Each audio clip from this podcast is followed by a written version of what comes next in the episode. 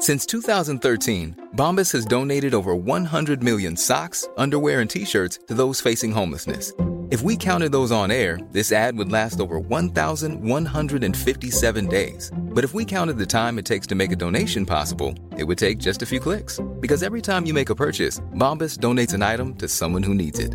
Go to bombas.com slash ACAST and use code ACAST for 20% off your first purchase. That's bombas.com slash ACAST, code ACAST. Media. Het is oorlog in Europa. Gaan we allemaal dood in een kernoorlog? Nee, ik denk het niet. Gaat deze oorlog de wereld veranderen? Dat weet ik zeker. In samenwerking met Dagblad Trouw probeer ik met deze podcast grip te krijgen op de oorlog. Elke dag houd ik je op de hoogte van de situatie in Oekraïne en Rusland. Maar eerst even dit. En dit gebeurde er op dag 64 van de oorlog. Aan het front in de Donbass wordt nog steeds hevig gevochten ten zuiden van de stad Izium. Uh, betrouwbare details zijn onduidelijk. Het is niet zeker wie daar precies aan de winnende hand is. Ook wordt er gevochten rond de stad Kharkiv, die nog in Oekraïnse handen is. Uh, die stad wordt al wekenlang beschoten door de Russische artillerie. En is qua vernietiging op weg om uh, een beetje het volgende Mariupol te worden. Vannacht zijn bij bominslagen daar drie mensen gedood en nog eens zes mensen zijn gewond geraakt, waaronder een kind van 14. Opnieuw zijn er aan de Russische zijde explosies geweest. Gouverneurs van drie Russische regio's die melden explosies of droneactiviteiten. In de stad Belgorod zou een eh, munitiedepot zijn vernietigd. In de regio Koersk zou een Oekraïnse drone zijn neergeschoten. En in de stad Voronezh waren twee explosies te horen, meldt persbureau Itar Tas. En dat is opvallend, want Voronezh is 300 kilometer van de Oekraïnse grens. Dat is erg ver voor een raketaanval, laat staan een helikopteraanval.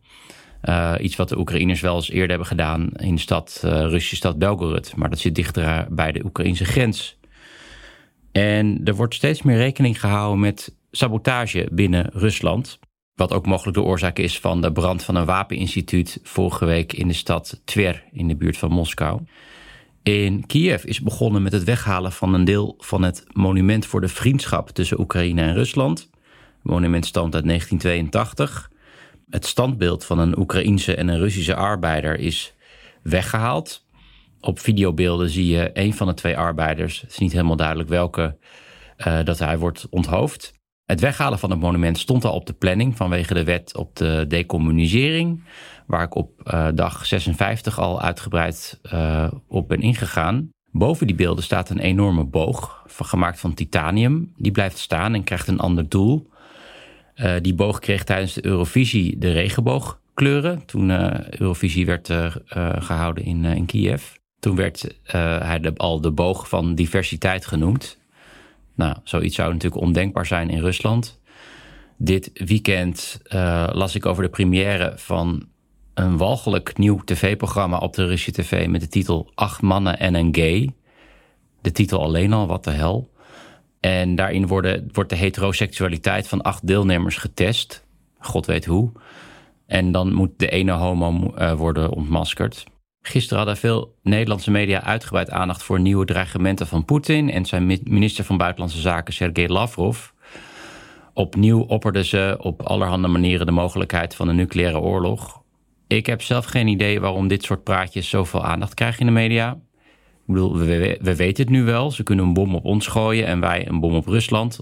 Of wij, nou ja, Amerika. Meer valt er echt niet te zeggen. Op dag 22 uh, van deze podcast heb ik al uitgelegd waarom ik denk dat er geen kernoorlog gaat komen. En daar sta ik nog steeds achter.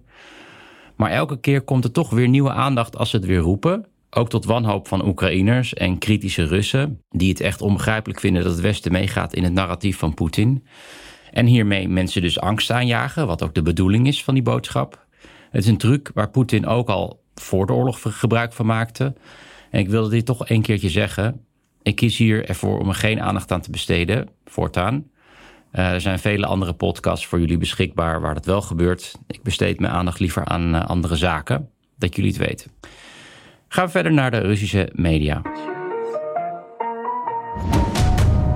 Ja, nog een klein staartje van die nep-arrestatie van neonazies in Moskou, die ik eergisteren al in de podcast behandelde.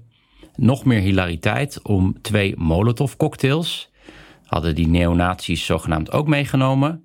Of zogenaamde neonazies. Uh, dit stond ook op de foto met buitengemaakte spullen.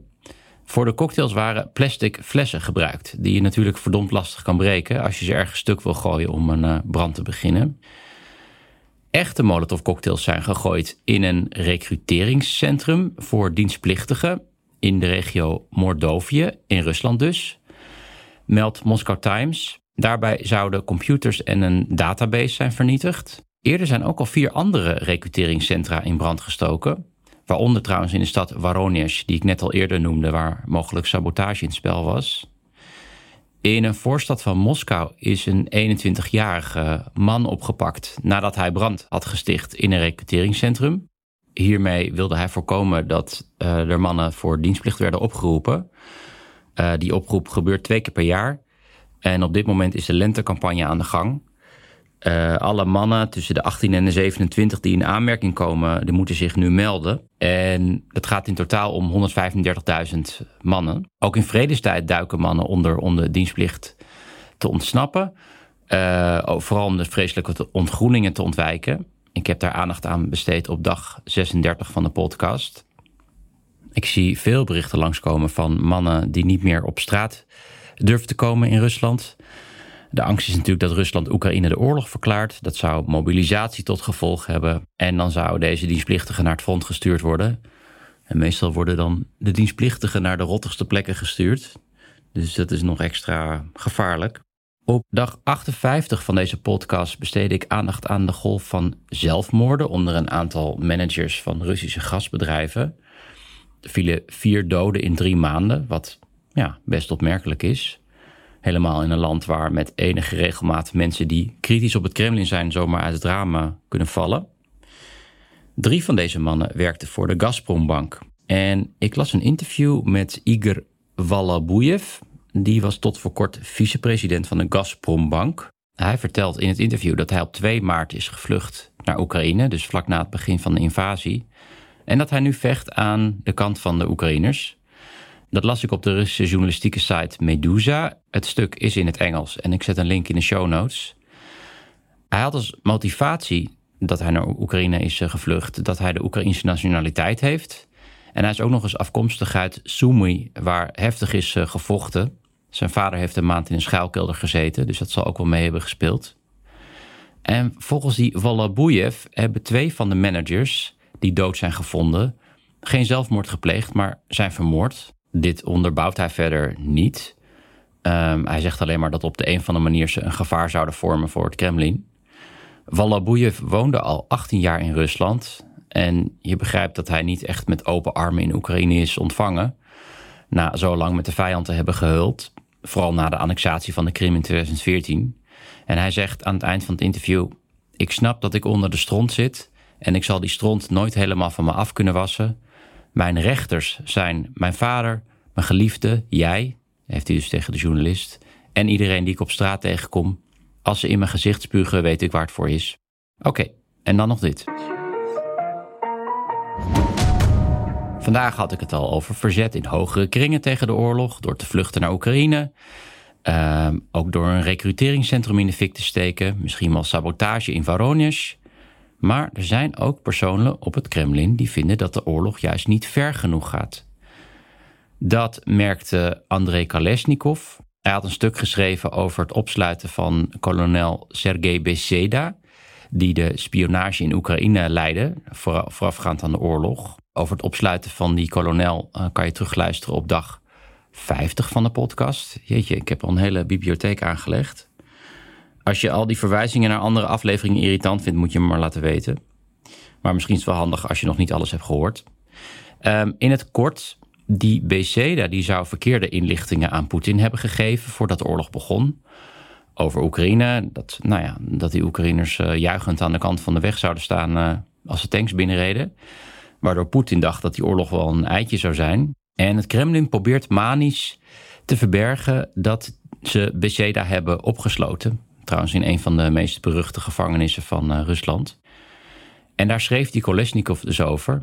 En na het plaatsen van zijn stuk kreeg hij veel berichten van mensen die hoog in de FSB zitten en in het leger zitten, dat zijn bericht helemaal klopte. En Dat vond Kalashnikov opvallend. Hij is uh, specialist in de FSB en het leger. Hij schrijft al jaren over en hij heeft daar ook veel bronnen. Maar sinds het begin van de oorlog had hij weinig contact met zijn bronnen. Maar nu dus weer wel. En uit de gesprekken die hij voert, komt hij tot de conclusie dat er een aantal mensen rond Poetin zijn die vinden dat Poetin niet ver genoeg gaat. Zij willen een bredere oorlog tegen de hele Oekraïne. Ze willen niet alleen maar de Donbass bezetten, maar de hele Oekraïne. Ze willen dat Rusland ook Oekraïne de oorlog verklaart. Vanwege eerder genoemde mobilisatie. En die frustratie onder het leger en de FSB komt nu ook in het openbaar. Vorige week opperde een eh, legerofficier al dat Transnistrië het einddoel is. Nou, dat is veel ambitieuzer dan uh, alleen maar uh, het bezetten van de Donbass. En er was ook een bericht, schrijft Kalashnikov over, van een blogger en een veteraan van de Spetsnaz. Dat zijn de Russische commando's. En die schreef op zijn telegramkanaal... Beste Vladimir Vladimirovich, zo wordt Poetin in Rusland genoemd... gaan we nog oorlog voeren of blijven we gewoon een beetje masturberen? Interessante omschrijving trouwens van een situatie die aan duizenden mensen het leven heeft gekost. Maar het is duidelijk dat de oorlog deze mannen niet ver genoeg gaat... en dat ze zo gefrustreerd zijn dat ze zich in het openbaar durven uitspreken. Dus ook tegen Poetin. Dit was het voor vandaag. Ik ben er weer morgen. Tot dan. Dit was een productie van Tony Media en Dagblad Trouw. Voor meer verdieping ga naar trouw.nl. Without the ones like you who work tirelessly to keep things running, everything would suddenly stop. Hospitals, factories, schools and power plants, they all depend on you. No matter the weather, emergency or time of day, you're the ones who get it done. At Granger, we're here for you with professional grade industrial supplies. Count on real time product availability and fast delivery. Call clickgranger.com or just stop by. Granger for the ones who get it done. Hey, it's Danny Pellegrino from Everything Iconic. Ready to upgrade your style game without blowing your budget? Check out Quince. They've got all the good stuff shirts and polos, activewear, and fine leather goods, all at 50 to 80% less than other high end brands. And the best part? They're all about safe, ethical, and responsible manufacturing. Get that luxury vibe without the luxury price tag. Hit up quince.com slash upgrade for free shipping and 365 day returns on your next order. That's quince.com slash upgrade.